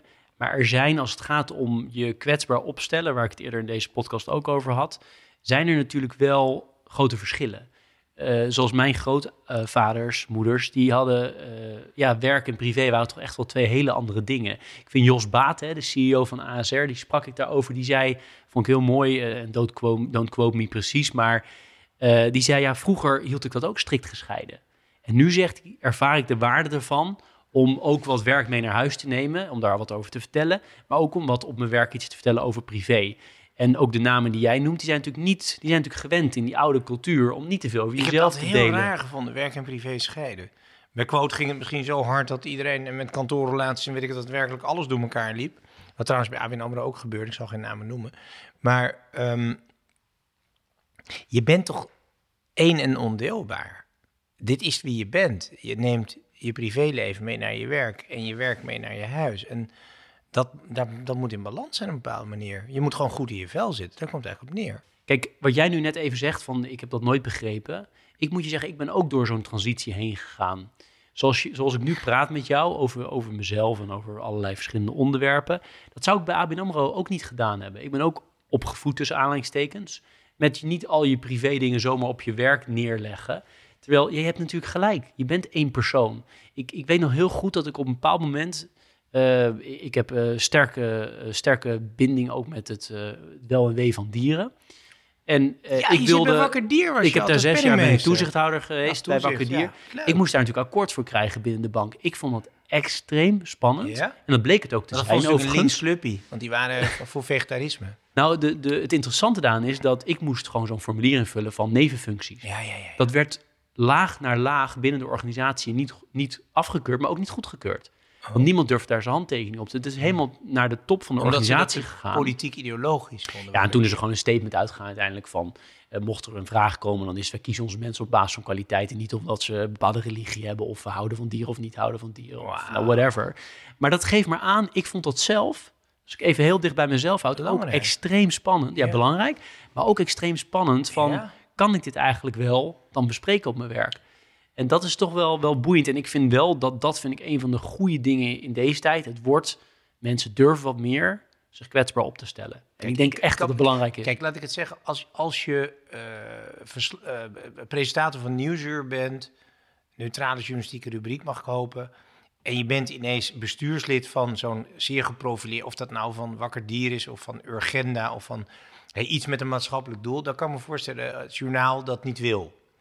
Maar als je bij ABN AMRO werkt, een financiële instelling, en je hebt daar in je privé-tijd een, iets wat jou drijft, wat jou bezighoudt, wat, je, wat ook voor de wereld, voor een betere wereld staat. Dan, het zou wel heel raar zijn als dat niet mag. Nou ja, wat heet, kijk, als ik even de andere kant ga verdedigen. eh, De vee-industrie moet financieren vanuit de bank. ja, En je bent zelf toezichthouder daar, je dat is conflict of interest, dan klaar. krijg je gedonder. Ja. Dus eh, het, is, het, het ligt, ik denk dat het Ja, dat ook dit ook. weer genuanceerd ligt. je Alleen, zolang jij niet de Fions van deze wereld financiert zelf, eh, maar daarvan buiten blijft, zie ik geen enkel probleem. Maar ik denk wel, als jij gewoon eh, de, de, de vee-industrie zelf aan het financieren bent, ja, dan is het natuurlijk, dat kan niet. Maar zelfs dat, als je, moet je vegetariër zijn, niet vleeseter zijn en bij Wakker Dier in een eh, adviesfunctie te zitten? Nee hoor, ik ben zelf, eh, ik eet wel vlees, Ja. maar ik eet al mijn hele jeugd. En dan vijf jaar of zes Ja. jaar studententijd eh, heb ik nergens Ja. aan gedaan. En daarna weer altijd biologisch gegeten de rest ja. van mijn leven. En, en ik eet heel weinig vlees, maar ik eet Ja. vlees en dat kan gewoon daar bij Ja. Wakker Dier. Ja. Maar je, zou, je kan ook zeggen, ehm, als je de wereld wil verbeteren, is het misschien prima om wel met Fion in gesprek te zijn eh, en ze de goede kant uit te duwen. Je kan datzelfde discussie als pensioenfondsen trekken zich uit Shell terug, want het gaat ze allemaal niet snel genoeg. Met als gevolg dat Shell een pure anglo-saxische onderneming is, waarbij alleen aandeelhouderswaarde straks telt als het zo doorgaat. En dan denk ik, ja, dan, daar, dat is allemaal leuk moreel gelijk halen van het ABP in dit geval. Maar het helpt niet aan de doelstelling waar je voor staat. Nou ja, dit wat jij beschrijft is natuurlijk eigenlijk, als je het even in, eh, in, in financiële termen is engagement. Hè? Dan Ja. gaan we met jou in gesprek en je gaat proberen dingen te bereiken dat die ander zich anders gaat gedragen, versus gewoon uitsluiten. Dus als je het even financieel voorbeeld Ja. geeft, een een bank als ASN en Triodos, die zeggen gewoon dit is zwart, hè? grijs, zwart en groen. Dit is zwart, dat doen we gewoon niet. Ja. Grijs doen we misschien ook niet. Terwijl er andere partijen zijn. En dat is natuurlijk een heel debat nu met al die asset managers, met de Hmm. APG's en de, de PGM's van Ja. deze wereld. Ja, in hoeverre wil je uitsluiten? Of ga ik in gesprek? En dat is natuurlijk een Volgens ja, mij fine staat er hier onder jouw podcast over Leaders in Finance, is de pay-off dat we meer in gesprek moeten met elkaar. Dat moeten we sowieso misschien. We zijn gepolariseerde tijden. Hè? Je moet altijd ergens voor of tegen zijn. Er zijn heel veel dingen. We hebben nu die Oekraïne-Rusland-oorlog. Ik was vijf jaar, of wanneer, hoeveel jaar geleden is dat alweer, niet voor het, tekenen van een associatieverdrag met Oekraïne, omdat ik niet vind dat ze in de Europese Unie moeten zitten. Maar dat betekent niet dat je voor Rusland bent, laat staan dat je dan tegen Oekraïne zou zijn. Dat is onzin. Maar dit is, dit, het zijn tijden waarin het ontzettend zwart-wit gedacht wordt, terwijl dat de kracht van een handelsland als Nederland is dat je dat juist niet doet. Misschien uit opportunisme, hoor. couldn't agree more. Uh, ja. hey, ja. Welk gesprek blijf je het meest bij van, jou, van jouw lange serie inmiddels? Ja, dat, dat is wel een hele lastige. Vanuit welk perspectief? Kijk, de eerste, eerste paar blijven me bij, omdat het gewoon als persoon super spannend, was. was. Klotsende oksels. Ja, 100 procent. 100 procent. Ja. ja. ontzettend spannend. En ook hoe het, ja, hoe het ontvangen zou worden. Mhm. Hoe die gasten het zouden vinden. Misschien vond ik dat nog wel het belangrijkste. Vonden die gasten het eigenlijk wel leuk? ik vroeg je net ook even tussendoor toen, toen je het glas wijn inschonk van vind je het wel leuk om te doen? Ja, dat is voor mij heel belangrijk. Ik vind de gasten het ook leuk. Maar daarna natuurlijk stiekem ook wel, ja, als, als tienduizenden mensen naar gaan luisteren en die horen jouw stem, ja, wat vinden die ervan? Ik ben daar nu wat. Uh, ik heb geen idee. ik weet niet Zou je een les wie er allemaal luistert. Als je bekende Nederlander bent, zoals ik geloof ik ben, dan leer je het af om de hele dag te lezen wat ze van je vinden. Bovendien is dat in de publieke ruimte meestal onaardig, want het is in Nederland beter om iets onaardigs te zeggen op Twitter dan iets aardigs. Dus Laat maar. Weet je, ik, ik bemoei me, ik geloof het wel allemaal wat ze vinden. Ik ga gewoon door met mijn leven, zolang de mensen om je heen van je houden en weten hoe je in elkaar zit, dat is genoeg. Dus de mensen waar je mee werkt en waar, je mee leeft eventueel. Dat is een van de dingen die ik ook van mijn vriend Rutte heb geleerd. Die zei, je moet, sinds hij premier is, hij leest, dat denkt iedereen dat hij alles leest. Hij leest alles wat relevant is voor hem, want heeft hij natuurlijk een filter van de RVD, die alles voor hem filtert, wat hij wel moet weten in zijn functie, en dat is heel wat. Maar hij gaat niet al die persoonlijke dingen lezen. En dat ook, weet je waarom het ook is? Allemaal columnisten die iets van je vinden, bijvoorbeeld, en meestal iets vervelends, anders schrijven ze niet over je. Als je die weer tegenkomt op een tv-podium of zo, dat heb ik ook, dan wil ik eigenlijk niet dat dat tussen ons instaat. Want ik moet gewoon iemand aan tafel ook weer op een leuke manier kunnen ontvangen. Als hij dan net een, een zijkstukje of twee of drie jaar geleden over me heeft geschreven, denk ik, ja, dan moet ik ze ook gunnen. Zo prima. Nou, raakt, je, raakt jou het persoonlijk wel eens dat mensen... altijd. Kijk, recensies gerecenseerd worden is altijd moeilijk. Iedereen zegt, het interesseert mij niets. Uh, wat zegt uh, Goethe? Uh, sla dood de hond, hij is een recensent, alleen dan in Duits. Um, dat is natuurlijk onzin. Want iedereen heeft recht op zijn opvatting. Als het onderbouwd is, dan is het ook uh, nou ja, verdedigbaar. Maar het betekent nog niet dat het leuk is of dat je het mee eens hoeft te zijn. Maar bijvoorbeeld eh, zoiets als je hebt net een nieuwe podcast gelanceerd, hè, die Snopcast. Mm -hmm. Zat er vanochtend even te luisteren. En uh, maakt jou dat nou echt uit wat daarover gezegd wordt? Nou, kijk, met die Snopcast doe ik met mijn beste vriendje Ivan van Rechter Altena. De, het, het zit al in het woord, de Snopcast. Dat, dat, daar zit al zoveel toon pesterij, uh, ironie in. Dat natuurlijk krijg je daar ook negatieve reacties op. Eerlijk gezegd viel het ontzettend mee. Hij is gelanceerd een paar weken geleden. Het was meteen een hit. Dus we hadden meteen tienduizenden uh, luisteraars. En op allerlei, zijn allemaal van die paradetjes worden erbij gehouden wie het snelst groeit. Er stond nog ook twee bij Spotify. Binnen het Nederlands taalgebied dan natuurlijk. Maar um, ja, dat, dat, dat gaat dus echt meteen geweldig. Dus het viel me echt mee, want ik ben altijd wel op uh, berekent dat er een kar stront over je heen wordt gestort. En dan houden, halen we toch de schouders op. Maar het, als het heel persoonlijk is en heel erg om de man, echt ad hominem, dan merk je toch dat het uh, in je hoofd gaat zitten. En daarom hebben bijvoorbeeld mensen om mij heen, van mijn vader tot vrienden, zo hebben de opdracht: als je iets over mij leest, goed of slecht, ik wil het niet weten. Bespaar mij het. Want ik blijf dan neutraal. Dus als een columnist iets heeft geschreven en zit drie maanden later mee aan tafel, heb ik geen idee. En dat is ook heel leuk, want er zit er iemand en die, en die zit zelf dan een beetje zeggen, want die denkt, oh die kelder gaat natuurlijk aanpakken, want ik heb hem, voor, ik heb hem aangepakt laatst. En dan weet ik het helemaal niet. Dus dat maakt helemaal niet uit, hoor ik dan later. je wordt toch menselijker. Als je zelf ook privé klappen hebt opgelopen, heb ik ook uh, relaties, liefdesverdiening, al die dingen. Dan word je toch milder in je. En als je zelf bekend bent, relativeer je alle berichten, hele slechte dingen over mensen in de krant, denk ik altijd, ik wil hem eerst even zelf spreken hoe het zit. Dat, dat is heel merkwaardig, maar... En dan blijkt het toch genuanceerd nou, te liggen. omdat er veel dingen die over jezelf staan uh, onzin zijn. Dus ik denk, nou, dat zal over een ander ook wel onzin zijn. Dus je wordt genuanceerder en milder, wat voor mijn vak eigenlijk dramatisch is. We gaan door. Dus de gesprekken, die, de dingen die je bijbleven. Wat, is er een grootste gemene deler nu voor wie haalt de top? Je hebt de leaders in finance. Dus wie haalt de top in de financiële industrie? Is daar iets over te zeggen nu? Wat, wat, wat bindt die mensen? Nou, kijk, wat mij gewoon heel erg opvalt, A, is als je natuurlijk rode draden gaat zoeken in een groep met mensen, dan is het altijd, ja, altijd ingewikkeld. Want er zijn zoveel verschillende mensen, zoveel verschillende meningen. Maar er zijn wel een paar dingen die me echt opvallen. Eén is totale randomness, hoe dingen lopen. En vooral Toeval. randomness, toeval. Hoe kom ik in de financiële sector terecht? 99,9% van de mensen was het niet van plan. Dus Ja, dat is interessant, hè? Terwijl als je natuurlijk eh, dokter, zeggen, arts wil worden, of dat zijn natuurlijk echt beroepen. Tuurlijk. Mensen die hebben al van jonge leeftijd bedacht dat te gaan worden. Ehm, hier totaal niet. Dus het is, Dan klinkt het als een vak voor amateurs. Nou ja, amateurs weet ik niet, maar het is blijkbaar niet iets waar je als eh, mijn kinderen zeggen ook niet ik wil bankier worden, die zeggen ik wil brandweer worden. Dus het is toch een ander, ander beroep. Terwijl waarschijnlijk de kans groter is dat ze wel dat ze zoiets worden dan dat ze uiteindelijk brandweer worden. Dus Ja. dat, dat is boeiend. Dat is ook weer dat imago natuurlijk. En, maar ook hoe concreet is het? Hè? Geld is natuurlijk iets heel abstracts. Hè? Mhm. Geld is natuurlijk ongelooflijk efficiënt, maar het is ook enorm abstract. En het is ook een niet gedachte heel populair om er, zeker niet in Nederland, om het erover te hebben. over Het geld. is, het, Nee. het is niet leuk om in een schoolklas de ambitie te hebben dat je heel rijk wil worden. Dat hou je dan een beetje voor je misschien. ja, of, Je wil iemand zijn. of je bent daar misschien niet zozeer mee bezig. Je wil, Misschien wil je ook gewoon wel positieve gedachten zo zijn. Ja, die wil gewoon iets doen. bijdragen aan de Ja, samenleving. Ja, of gewoon ertoe doen, in, dat is ijdel gezegd, maar gewoon een rol spelen. En niet een leven hebben dat ongezien voorbij gaat. En ik bedoel niet ongezien voor het grote publiek, maar ongezien in de zin van... Ja, het zal wel. Ik kabbel de kabbel 9 tot 5 en eh, zet mijn kist maar vast klaar. Daar heb je ook geen zin in. Maar even, Nee, dus, dus wat maar valt is me er, op? waarom halen zij de top, als ik het Ja, de top voor mij noemen? is het heel simpel. Eh, wat, en natuurlijk ook hier weer allerlei disclaimers. Hè. Veel vrienden zeggen tegen mij, hou nou op met die disclaimers, zeggen wat je, wat je denkt. Ja, Kijk, toeval is heel belangrijk. Net even iemand die iets in die persoon zag. Maar, toeval dwing je af hoor. precies, en daar komt hij. Het is wel voor mij evident, die 10.000 uren regel. Hè, je moet gewoon Oh ja, bloody hard werken. die bestaat. Ja? Ik denk dat die heel erg bestaat. Kijk, er zijn uitzonderingen.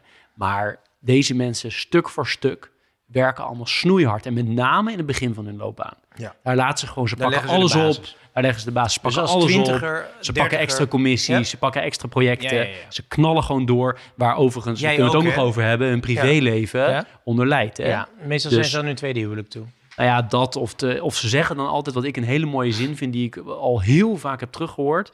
Dan zeggen ze: Ja, ik was er wel op belangrijke momenten voor mijn kinderen. Dan is voor mij altijd de alarmbel. Dat betekent namelijk, ik was er eigenlijk bijna nooit. Mm. Hè, maar post-rationaliserend, ik ben er wel op de belangrijke momenten geweest. Ja, maar ja, Dus- je dus als dat je- speelt maar, mee? Ja, maar dat is dus een heel ingewikkeld iets. Ja. Kun je de top halen als je dus wel op al die andere momenten er ook bent? Ja, het kan niet. Je moet Moeilijk, ook gewoon... Moeilijk, denk ik. Je kan ook geen gouden medaille halen zonder heel veel te trainen. Nee, ik denk dat het heel moeilijk is. Kijk, het is wel zo dat je het allerlei gradaties hebt. Kijk, eh, de, de top van het eh, investment banking is natuurlijk wel een ander verhaal dan de top van een, eh, van een mid-sized bank in Nederland of van een mid-sized verzekeraar.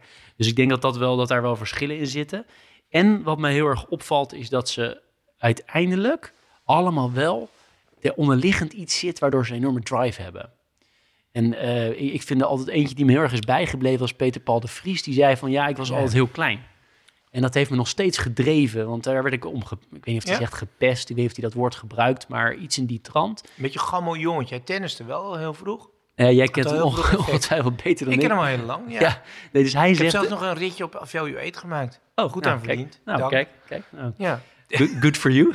ja, nou niet veel, niks bijzonders. Maar ja. Maar in ieder geval, ik geloof wel in wat hij zegt. Ehm, dat je namelijk dat er vaak iets is wat hen extra drijfveer geeft Nee. om zo hard te werken, maar ook om echt ongelooflijk te Wat focussen. mij heel vaak opviel, bij, ik heb natuurlijk die Quote 500 lang gemaakt. Met de redactie uiteraard. Ik heb het zeker niet alleen gedaan, helemaal niet. Ehm, er zit vaak bij die entrepreneurs, bij die ondernemers, een, een, een moeite in hun jeugd met hun vader. Er zit vaak een strijd met die vader.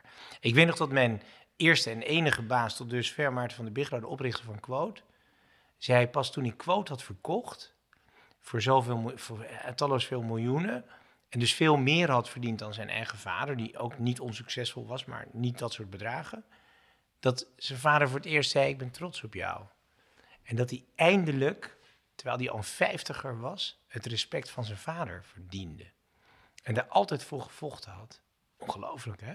Ja, dat is, beschrijf je prachtig. En dat is wat ik denk ik bij veel mensen ook wel zie. Ik krijg het overigens niet altijd naar boven, maar je voelt het soms tussen de, tussen de regels door. Ik probeer het eruit te krijgen, maar uh, jij zal het, er zou het er waarschijnlijk zo uitkrijgen. Maar het lukt mij niet altijd. Maar je voelt het vaak wel. Soms hoor je het ook pas achteraf. Maar er is vaak wel iets wat hen drijft om zo hard te blijven werken. Want dat harde werken, dat is voor mij wel duidelijk geworden.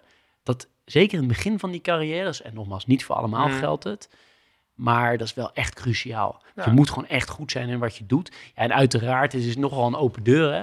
Maar dit zijn natuurlijk over het algemeen bijzonder slimme mensen. Hè, er zijn ook daar weer uitzonderingen. En er zijn ook mensen die puur geluk hebben gehad. Of in, in, in een toevalligheid ergens naartoe ge, uh, gecatapult zijn. Ja, maar je kan niet... Kijk, je, eh, kan, je moet op de juiste plaats zijn, op het juiste moment. Dan helpt geluk wel. Geluk is zeker een factor.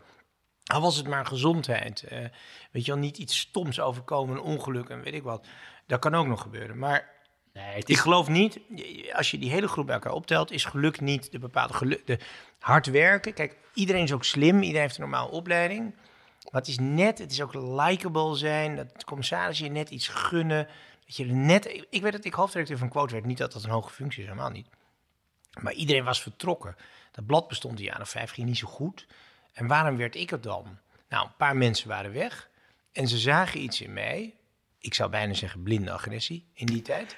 Want ik werkte heel hard en ik wilde heel graag. En, en ik kon ook gelachen worden, want het was ook wel een groot avontuur natuurlijk. Maar, maar waarom ik dan? En dat was voor mij een bepalend moment. Maar dat kwam wel omdat één baas, die ik net noemde, dacht van nou, hij is wel een beetje een rare jongen.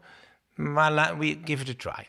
Ja? Dat, hè, wat jij nu beschrijft, dat is, komt constant terug. Er is, jij bent daar hard aan het werk, jij ziet een kans, maar tegelijkertijd is er iemand die ja, het zag in jou. Ja. En ik vind dat... Als enige eh, hoor, want het hele bedrijf was... Nou ja, maar wel een cruciaal iemand dus blijkbaar. Zeker, ja. Eh, en dat is toch wel wat Machiavelli natuurlijk, uh, Virtu en Fortuna. Het is natuurlijk aan de ene kant Virtu, hoe goed je het doet. En aan de andere kant Fortuna, je moet ook dat gelukje Dan moet je nagaan, Jeroen, als ik, dat, als ik dat moment van die man, waar ik dit weekend nog mee had, ja. niet had gehad... A, was hij dan nooit miljonair geworden? Want daardoor is quote zoveel waard geworden. Um, in ieder geval niet zoveel miljoenen. En B, had ik, was, had ik hier nu nooit met jou gezeten. Maar wat of zeg je, was er iets anders gebeurd? Ja, er was natuurlijk altijd iets anders gebeurd. Maar je had ook ten onder kunnen gaan in een grote Ik wilde eerst bij NRC Handelsblad politiek verslaggever worden. Ik kreeg meteen ruzie met mijn sollicitatiegesprek al. Meteen bam. Terwijl dat natuurlijk, daar, ik was gepredestineerd om daar te gaan werken. Want ik las die krant al sinds mijn achtste. En ik denk nog vaak van, oh, wat geweldig dat dat niet gebeurd is. Maar, maar klopt het bij jou ook trouwens, die uren? Klopt het, bij jou, klopt het bij jou ook dat je altijd een hele harde werker was? Ik, en ik heb er ook wel een relatie door uh, opgeblazen. Um, ik weet nog dat we een keer met mijn toenmalige naar Noorwegen met vakantie zouden, drie weken. En dat we na een week alweer in Nederland waren, in de tijd van de fax nog. Omdat ik toch even de cover af wilde maken. Um, en ik heb de eerste jaren tot begin van deze eeuw, toen ik allemaal uh, woeste meisjesaffaires kreeg, um, eigenlijk zo hard gewerkt en zat ik overal bovenop, wilde er echt een succes van maken. Niet om geld of zo, maar gewoon omdat het mijn verantwoordelijkheid was, ik het leuk vond om te doen, maar ten koste van veel. Maar als die basis niet was gelegd, had ik nooit al het andere kunnen doen. Maar dat weet ik nu pas achteraf. Je luistert naar Leaders in Finance met Jeroen Broekema. Heb je ook in die 9 of 98 gesprekken ontroerende dingen meegemaakt? En dingen waar je zelf, over jezelf iets te weten kwam? Waar je dacht, oh ja, wacht even. Nou, kijk, ontroerende momenten zijn natuurlijk altijd op het moment dat een gast... Je merkt dat een gast zelf eh, emotioneel wordt. Ik, ik vond zelf, een, werd niet per se emotioneel, maar het moment dat Martijn Grip, nou de CEO van de Volksbank vertelt over dat zijn moeder overleed op de dag dat hij uh, negatief in het nieuws kwam uh, of iets dergelijks. Ja, dat zijn natuurlijk wel bijzondere momenten. Het zijn natuurlijk ook wel bijzondere momenten als mensen vertellen dat ze eigenlijk dingen heel anders hadden willen doen. En dat gaat vaak natuurlijk over kinderen. Uh, want het gaat vaak over dat die kindertijd... Ja, ja. En, maar dat is natuurlijk wel voor mij ook met vier jonge kinderen... dat je denkt, ja, maar wacht even, de five regrets of the dying... Wat zijn de dingen waar mensen achteraf van denken... had ik dat maar anders gedaan? Eén daarvan is, had ik maar meer tijd voor mijn geliefde gehad. Hè, of het nou vrienden zijn of kinderen of wat dan ook. En dat, dat, dat raakte mezelf vaak ook wel. Ik dacht van, oké, okay, je kan dus zo hard werken... maar je kan er ook voor kiezen om misschien juist iets meer... bijvoorbeeld in mijn geval... heeft het zeker bijgedragen, deze interviewreeks, dat ik gewoon één dag, woensdag, nu, ben ik gewoon met de kinderen, punt. Ja, ja. Het is niet dat ik dan nul telefoontjes opneem, het is niet dat ik nooit iets doe, hè, want straks dan belt iemand mij op woensdag, nee, je doet toch niks op woensdag, maar ah, 95% van die dag is gewoon voor de kinderen. En het kost me altijd heel veel moeite om het echt te doen, want ik heb eigenlijk gewoon weer zin om door te werken en weer die bedrijven verder te bouwen. Maar s'avonds denk ik, "Goh, god, wat was dit leuk om te doen Maar weer. Moet echt even streng voor je zijn. Evolutionair gezien is dit natuurlijk zeer onwenselijk. Kijk, uiteindelijk, als Picasso niet zo'n woest leven had gehad, had hij niet, nooit zulke mooie schilderijen gemaakt. Als Ali Nicknam niet zo grenzeloos was, zoals zoveel entrepreneurs, had hij nooit drie bedrijven door het miljard heen getrokken in waardering. Ehm, het is leuk hoor dat je privé gelukkig bent, dat je kinderen op een fijne jeugd terugkijken. Maar ja, er zijn miljarden mensen die eh, leuke ouders hebben en het is allemaal wel. Het, voor de wereldgeschiedenis is dat eigenlijk onwenselijk. Ik wil eigenlijk dat je medogeloos bent, bezeten, krankzinnig. Nou, laten we daarmee beginnen. ik ga dus ook niet een miljardenbedrijf oprichten. Nee. En Met ja, andere woorden, de echte winnaars zijn psychopaten. ja, winnaars weet ik niet. Kijk, Nee, winnaars in, in materiële zin, dat is natuurlijk niet eerlijk geformuleerd, maar winnaars maatschappelijk gezien, de mensen waar we over 10, 50, 100 jaar misschien nog over hebben, zijn eigenlijk psychopaten. Stelling, hè? Stelling. Nou, nee, interessant, stelling. Het zijn wel de mensen die we herinneren. Denk, dat De denk ik zeker. Builders. Maar uiteindelijk is het de vraag of dat de mensheid verder brengt. Henry Ford was geen aardige vader voor zijn zoon. Ja, maar dat geldt voor heel veel mensen die ook als ongelooflijk goed bekend staan. Ik, ik, ik sprak een keer iemand in, in Londen eh, die, die hoog in de financiële wereld zat, eh off the record. En hij had veel voor eh, Mother, Mother Teresa gewerkt. En hij zei ook, nou, die was ook keiharde zakenvrouw. Ja, ja, En dat is niet het beeld wat we hebben. En dat is ook helemaal niks mis. Ze heeft natuurlijk onvoorstelbaar veel goeds gedaan voor de weet je- wereld. Weet je je ook vaak hoort? Huh? Kinderen van, ik heb een aantal ge- gesproken van PvdA-ministers in de grote tijd van de Partij van de Arbeid, die macro gezien de hele wereld aan het redden waren, maar micro hun eigen gezin sloopten. Nou, maar dit gebeurt heel veel. Tolstoy ook. Ja, Kijk, Tolstoy had onvoorstelbaar veel mooie beelden bij de wereld. ja, maar maar staat richting niet- zijn kinderen, ja precies. vrouw, Ja. verschrikkelijk. Ja, maar kijk, de, Rijkman Groenik heeft nooit zichzelf verkocht als een wereldverbeteraar. Hij was gewoon een bankdirecteur. Dus misschien is hij heel goed voor zijn kinderen, dat weet ik helemaal niet. Maar ik wil maar zeggen dat de, de, ironie zit er dus, jij zegt Tolstoy, de ironie zit er dus in dat mensen die zichzelf presenteren als redders van de wereld, als sociaal, empathisch enzovoorts, dat die kinderen er vaak heel anders over denken. Idioot, hè? Ja, nee, dat, dat Maar wat klopt. is jouw les nu dan? Want wat, jij zit ook een beetje in dit. Kijk, dit is een uit de hand gelopen hobby, deze reeks. Ehm, ja, nou heb je de 100, straks doe je de 200. En je hebt allerlei andere bedrijven nog. Je zit eigenlijk in een podcastbedrijf. Dit is ook een beetje je business aan het worden, nu of niet? Ja, nou, toen ik, eh, ik, ik ging met sabbatical. Ik heb het toen geframed als een soort van tussenpensioen. Dat vond ik wel leuk klinken. Achteraf denk ik, god, dat is ook een beetje sneu om het zo te noemen. Maar ik wilde gewoon weer, tenminste, ik wilde helemaal niks. Maar ik ging ervan uit dat ik weer ergens eh, MD of CEO van een fintech of een kleine bank of iets dergelijks zou worden. En die gesprekken heb ik toen ook gevoerd. Er een aantal plekken waar ik ook kon beginnen. En een aantal plekken waar ik benaderd werd. En uiteindelijk heb ik dat niet gedaan. En dat komt natuurlijk ook weer post-rationaliserend. Maar het komt met name omdat dit heel erg ging lopen. Toen voelde ik en proefde ik aan het ondernemerschap. En toen dacht ik, wauw. Ik vond bij ABN AMRO ontzettend leuk. Ja. Toen ging ik naar die fintech. Toen dacht ik, hmm, dit is eigenlijk veel leuker nog dan ABN AMRO. Ja. Terwijl ik het daar heel erg naar mijn zin had. Toen ging ik ondernemen en toen dacht ik, dat is nog veel leuker. Terwijl een van de vrienden in het FD-portret over jou zegt... hij is van nature risicomijdend. Ben ik, ben ik absoluut. Hoe kan dat dan? En ehm risicomijdend is natuurlijk ook weer heel relatief. Hè? Ik, ik neem wel het risico om die ondernemingen te starten, maar ik doe dat pas nadat ik weet dat ik het ook even een paar jaar kan, kan runnen met mijn Ja. eh, gezin. Dus dat zit het risicomijdend in, maar ik doe het vervolgens wel. Ik neem wel dat risico. Dus Dus zit je er een beetje tussenin. Je bent een Ja. calculerende ondernemer. Ja, maar ik ben niet een ondernemer die zich eh, helemaal vol laat met, met schulden en dan we zien wel waar, de, waar, waar het eh, schip Kan je het langer uitzingen nu? Dat, dat, dat weet ik niet, wat is, wat is lang, maar Vind je moeilijk, hè? Je kunt, dat eh, soort dingen vragen. ja, nee, Ja, tuurlijk. oud-quote-redacteur, vraag je dat. Ja, nee, Als je nou snap stopt ik. met werken, ben je klaar dan? Nee, nee, nee, nee, zeker niet. Nee. En je heeft ook nog een inkomen. Zeker. Maar, eh, maar, en, nee, maar toch, dat soort. Dat, ik, zie- ik zie je kwetsbaarheid meteen. Je verlegenheid. Ik ga niet vragen hoeveel er op die bank staat of waar dan ook. Maar het gaat natuurlijk vaak over financiële onafhankelijkheid. De ironie bij de financiële wereld is, zij werken aan financiële constructies, maar ook aan private banking, aan financiële onafhankelijkheid van hun eigen klanten. Maar je werkt ook in die industrie, omdat je op een bepaalde manier natuurlijk toch in geld geïnteresseerd bent. Is het belangrijk voor jou geld? Kijk, voor mij, ik vind geld allereerst super interessant. Dus het heeft een enorme aantrekkingskracht op mij, op wat het doet met mensen, wat het doet in de samenleving, wat het kan bereiken in positieve en in negatieve zin. Dus dat is even heel het, het meer theoretische plaatje. Voor mijzelf is het geld puur het feit dat je de vrijheid hebt om te kiezen wat, je kan doen. En dat je dus niet. Ik ben wel heel erg. Geld is gemunte vrijheid. Ja, en het is wel precies, dat is mooi verwoord. En ik denk voor mij, wat wel heel belangrijk is, is dat ik een bepaalde mate van vrijheid heb over wat ik zelf doe. En dat niet andere mensen precies beslissen over van je gaat nu dit doen, je gaat nu dat doen. Dat zit er wel diep al in. die bedrijven werken met al die bazen?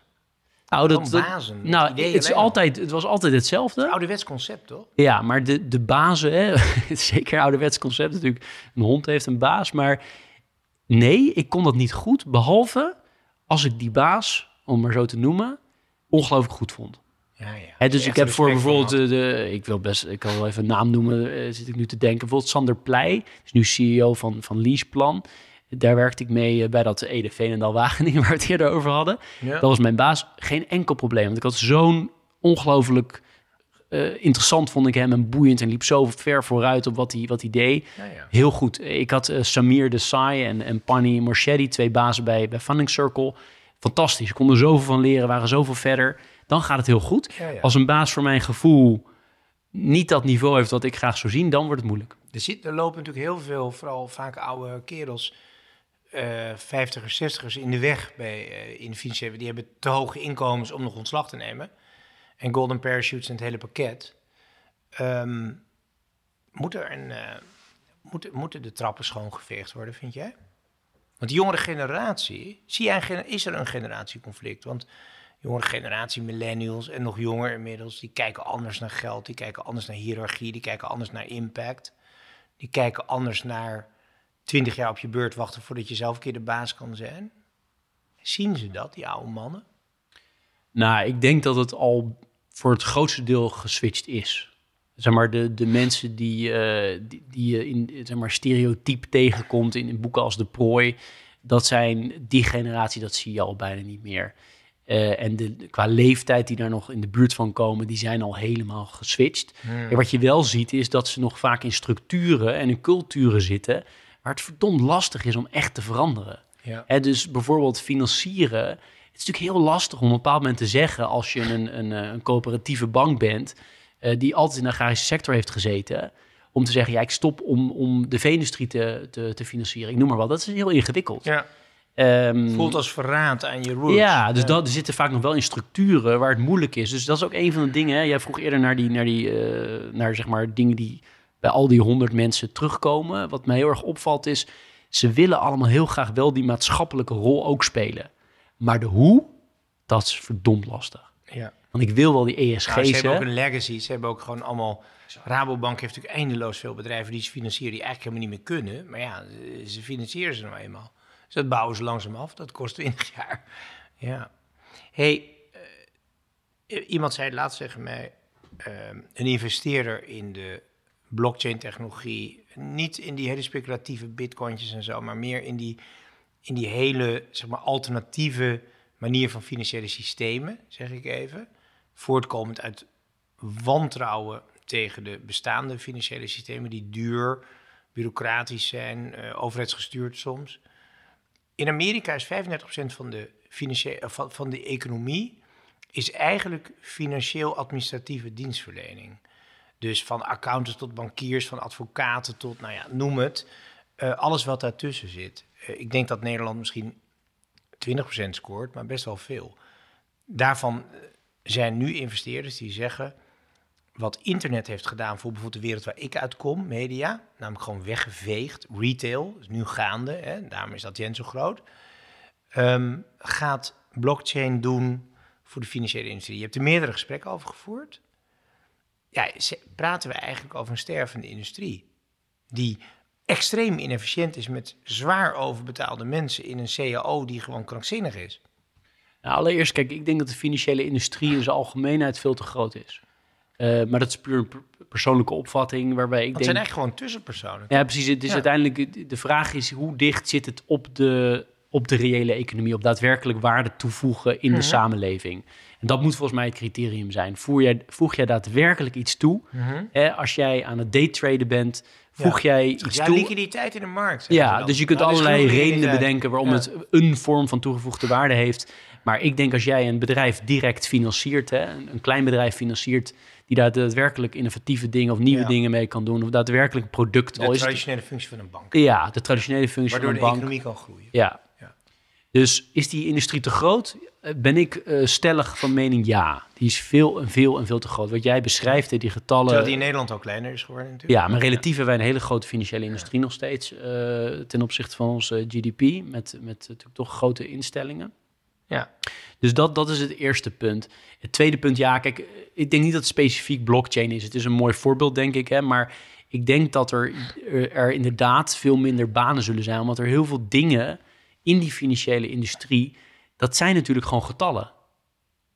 En die getallen, daar kun je natuurlijk heel veel tech op loslaten. En er zijn natuurlijk heel veel handelingen, ook al we hebben het eerder gehad over wit, eh, Nou ja, witwasbestrijding. derde van ABN AMRO werkt nu in ja, in en dat zijn heel veel manuele handelingen waarvan Als je gewoon een transparant financieel systeem hebben, heb je al die kerels niet nodig. Nee, en, en, en een groot gedeelte van die checks op die transacties, hè, die transactiemonitoring zoals ze het noemen, Ja. dat kan natuurlijk met tech opgelost gaan worden. Dat, dat is te doen. Dus er zijn heel veel functies die daarin, denk ik, onder druk zien, ze komen. dat, zien ze dat al? Of? Ja. Ja? Nou wie? De, de leiders sowieso, ja. Ja? Ja, ja, absoluut. Ja? Ja. Want Nee, vaak is in de financiële industrie iets gebeurd de afgelopen decennia. Eh, bijvoorbeeld als je naar de quants keek, wat ze daar allemaal aan derivatenconstructies maakten. Dat de, de basis in de raad van bestuur vaak is simpel rechten, net als ik in Utrecht gestudeerd, eigenlijk niet helemaal snapte. En die jongens een paar vloeren eronder in de dealing room dingen deden die zij niet echt eh, beheersten. Nou ja, dit, dit, dit is, dit is, ja, En dat ko- is met koren blockchain op mijn een molen. Want, want het punt is natuurlijk, heel groot gedeelte van een bank is gewoon een techbedrijf geworden. Ja. Terwijl de top natuurlijk voor grotendeels nog steeds wordt uitgemaakt door, door financiële mensen. Overigens, deels heel gelukkig ben ik daarmee, want prudent risicobeleid is wel het allerbelangrijkste Zeker. van een financiële instelling. hè, Want anders gaat het natuurlijk helemaal mis. Toen, toen ik Ali Nick nam laatst aan tafel, bankier noemde, werd hij heel boos. Ik ben een techbedrijf, ik ben geen bankier.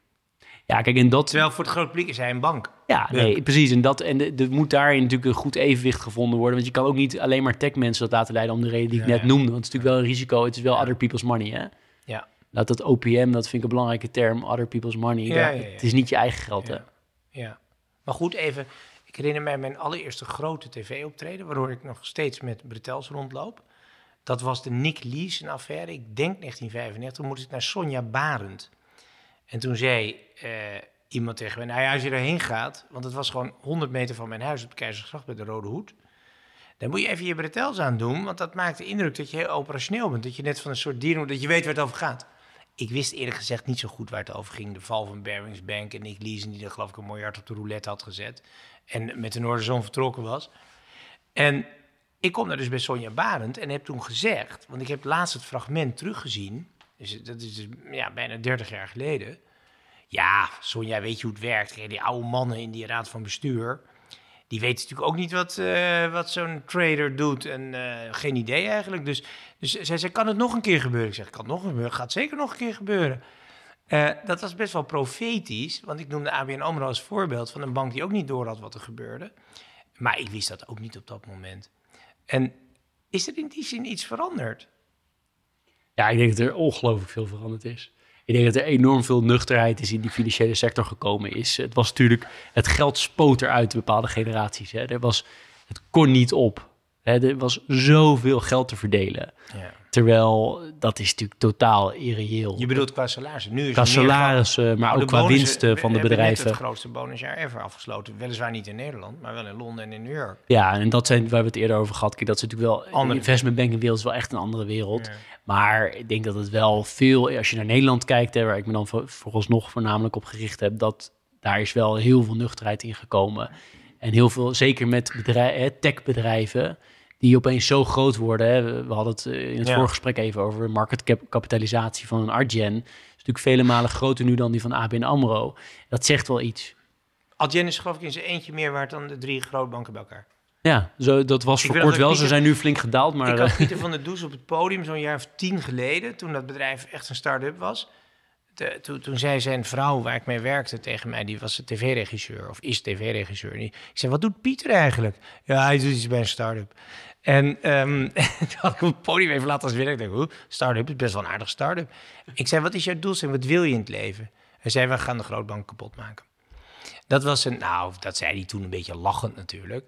Eh, overbodig maken eigenlijk.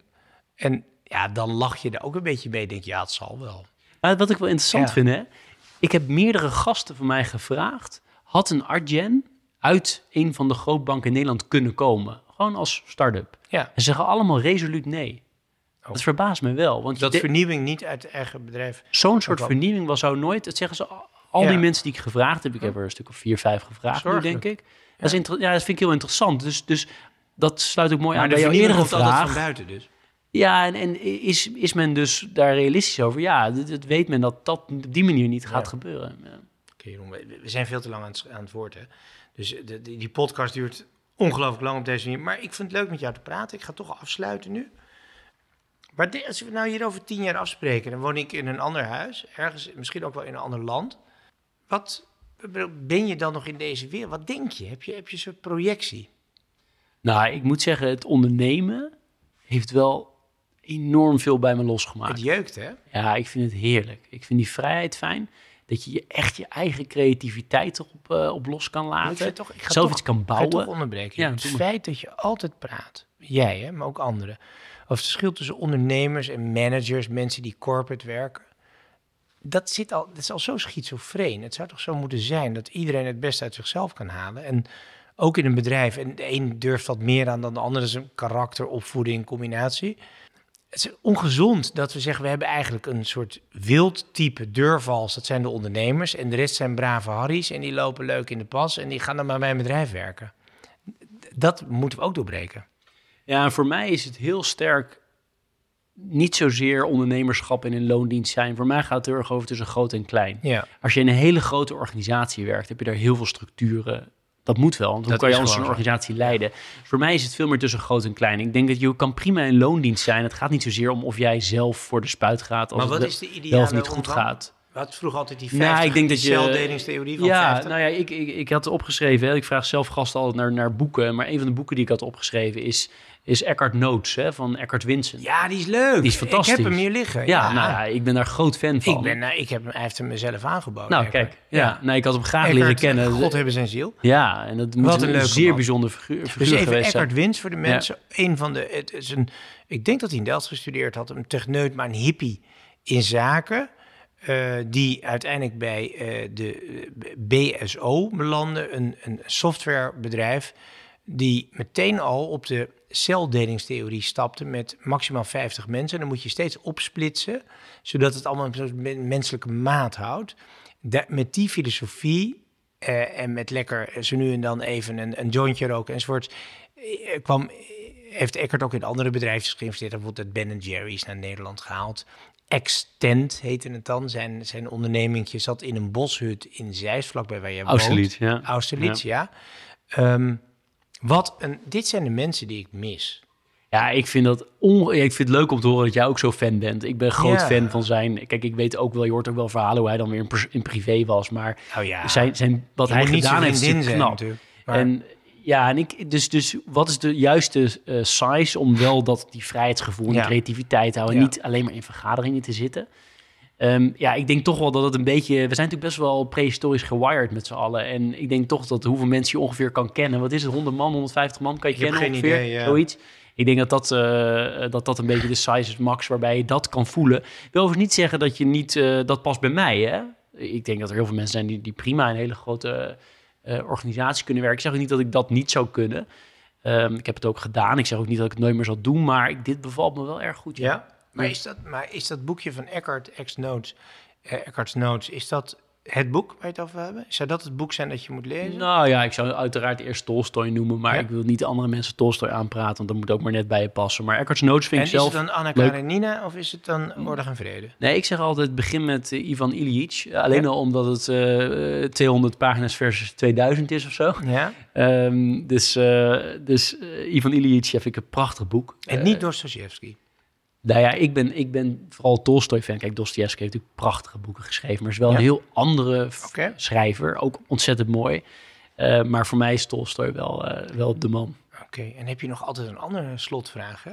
die gesteld moet worden? Nou, dat, eh, ik stel, ik heb alle, nou, wat is het, 98 dan, gevraagd wat hun tips zijn voor starters op de arbeidsmarkt. Ja. Dat, dat stel ik en ik vraag naar boeken, dat vind ik altijd leuk. En, eh, maar heel veel mensen lezen niet meer. Dus vraag, vaak krijg je geen antwoord, denk ik. Ja, soms schakel ik over op Netflix-series in plaats van boeken. Ja. mensen niet lezen, maar de meesten lezen veel. Toch wel. Ik wel dat mijn nummer één, eh, de, de, degene die het allermeeste leest, die ik heb geïnterviewd, is eh, Laura van Geest, de bestuursvoorzitter van de Ja? AFM.